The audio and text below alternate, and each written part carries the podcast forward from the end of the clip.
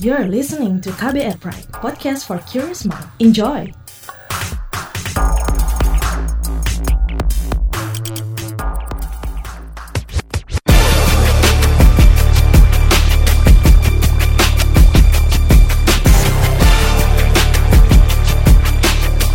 Cek fakta, cek fakta, cek fakta. Cek fakta, tak punya BPJS dan tak aktif peduli lindungi, Marquez ditolak RS. Halo, ketemu lagi bareng gue Reski Mesanto di podcast Cek Fakta edisi 28 Maret 2022. Kita bakal bahas top 3 hoax of the week yang beredar dari tanggal 19 hingga 25 Maret 2022. Hasil periksa fakta dengan tingkat engagement paling tinggi pada account Instagram at turnbackhoaxid. Bersama Aribowo Sasmito, co-founder dan fact-check spesialis masyarakat anti fitnah Indonesia Tomavindo. Podcast ini bisa Anda simak di kbrprime.id setiap Senin dan di aplikasi podcast lainnya.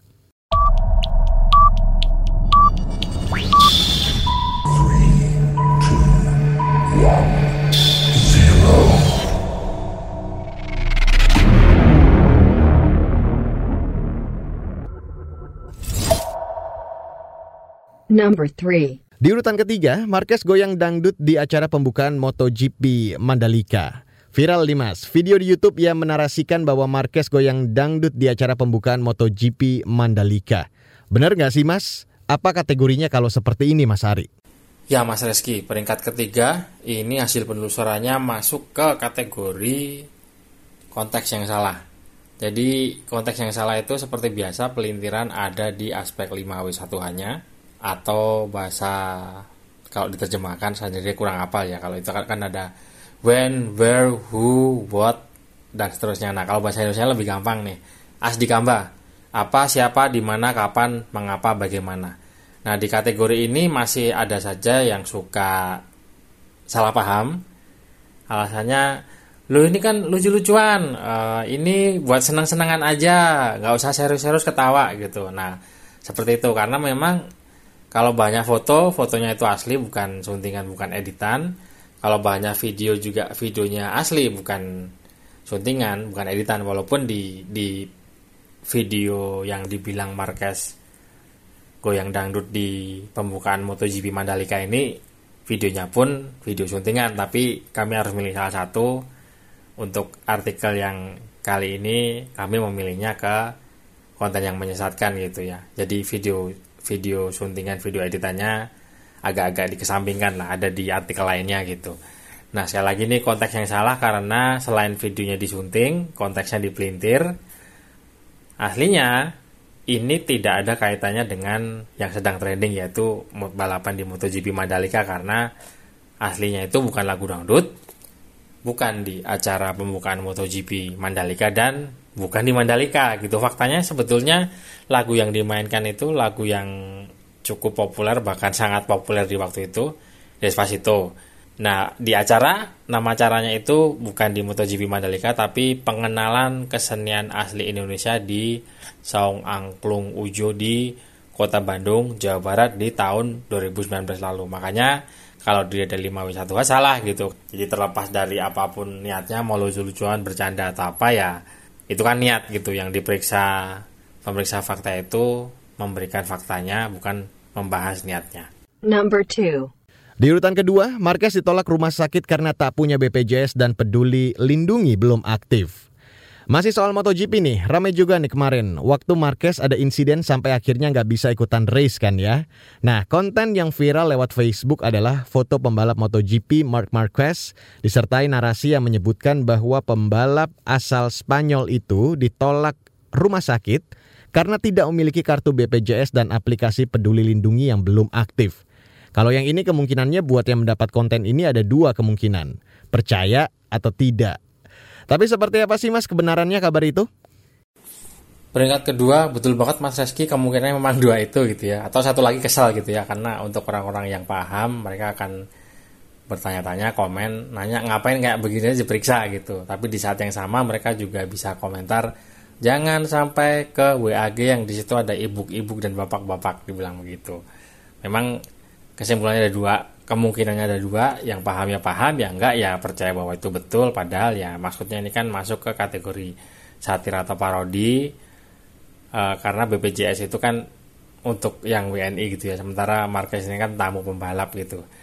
Nah sebetulnya sekali lagi ini kategori satir atau parodi dan uh, kenyataannya adalah ya tetap Marquez tanpa BPJS pun dan tanpa aplikasi peduli lindungi nggak masalah masuk ke rumah sakit dan dirawat gitu. Karena memang uh, ini sebutlah ini masuk ke kategori yang beda ya. Karena kan pembalap ini sedang menjalankan lomba di Indonesia. Ya kali kalau olahraga yang berhubungan dengan resiko tinggi uh, jatuh, patah tulang dan lain sebagainya bahkan resikonya saking berbahayanya. Ini apa ya F1 MotoGP itu kan olahraga yang sangat keren uh, adrenalin tinggi tapi di sisi lain semakin keren semakin tinggi olahraga itu akan berhubungan dengan semakin tinggi pula resikonya. Makanya uh, sebutlah walaupun tidak punya BPJS, walaupun tidak punya peduli lindungi ya uh, tetap itu jadi sebuah keharusan untuk kalau ada apa-apa dan uh, kenyataannya memang uh, Mark Marquez jatuh jatuh ya. Nah, itu tetap akan dilayani sebagai uh, bagian dari requirement atau persyaratan untuk menyelenggarakan lomba balap di Indonesia gitu. Jadi memang uh, ini aslinya satir dan bercanda dan pada kenyataannya ya Mark Marquez tetap dilarikan ke rumah sakit dan dirawat. Number one. Dan di urutan pertama Jokowi menghadang tank sendirian di kerusuhan Ukraina.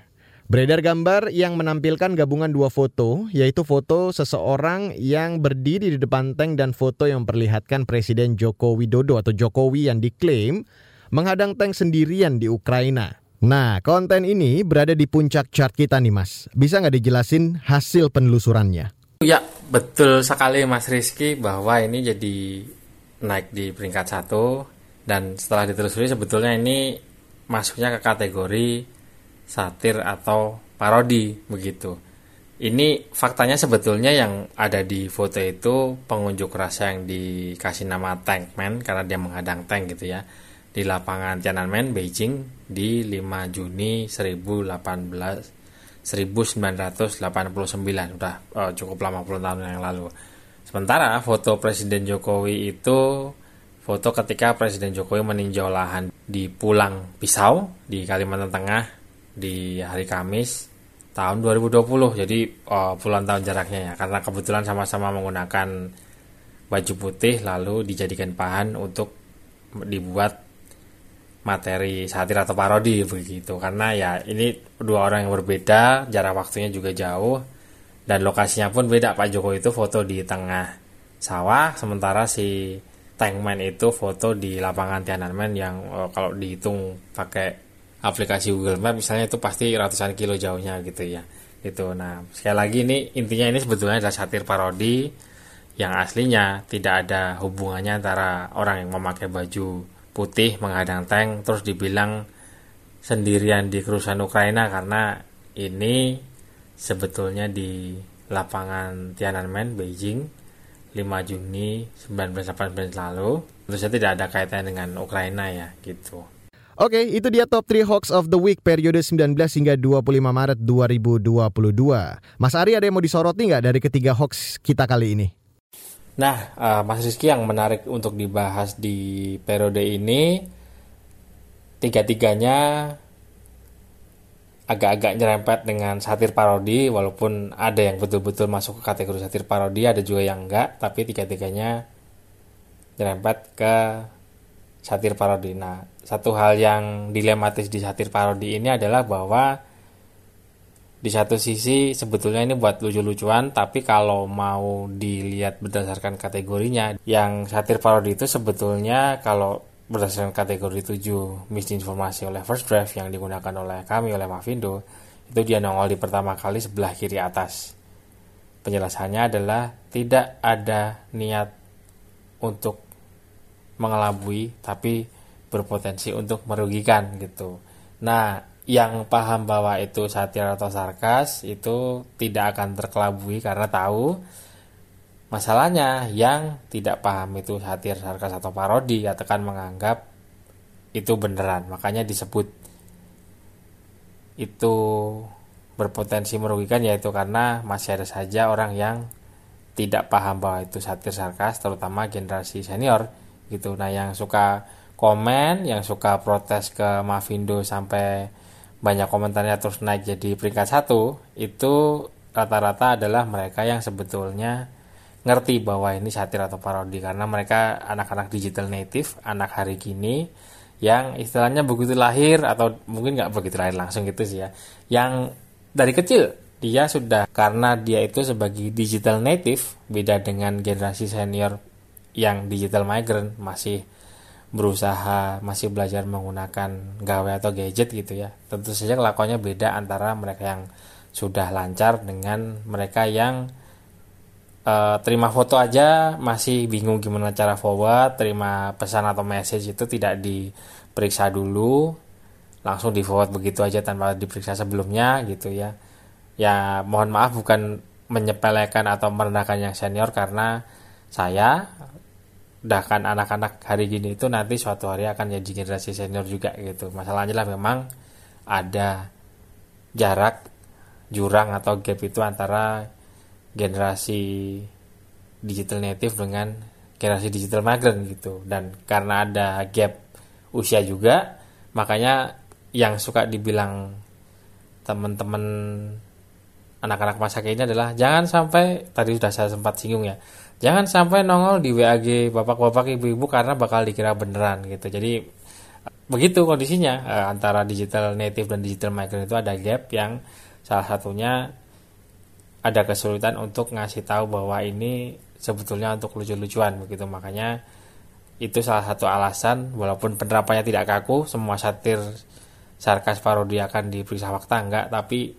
dilihat mana yang potensinya lebih besar untuk menimbulkan kesalahpahaman gitu. Nah, biasanya untuk yang satir sarkas parodi ini eh, kadang-kadang uh, juga yang konten manipulasi, konten hasil suntingan, hasil editan yang awam pun akan tahu gitu. Oh ini salah karena disunting titik selesai gitu ya. Biasanya ribut-ribut pun bukan meributkan yang berkaitan dengan periksa waktu sendiri tapi membahas hal lain eh, ngomongin soal bahannya misalnya.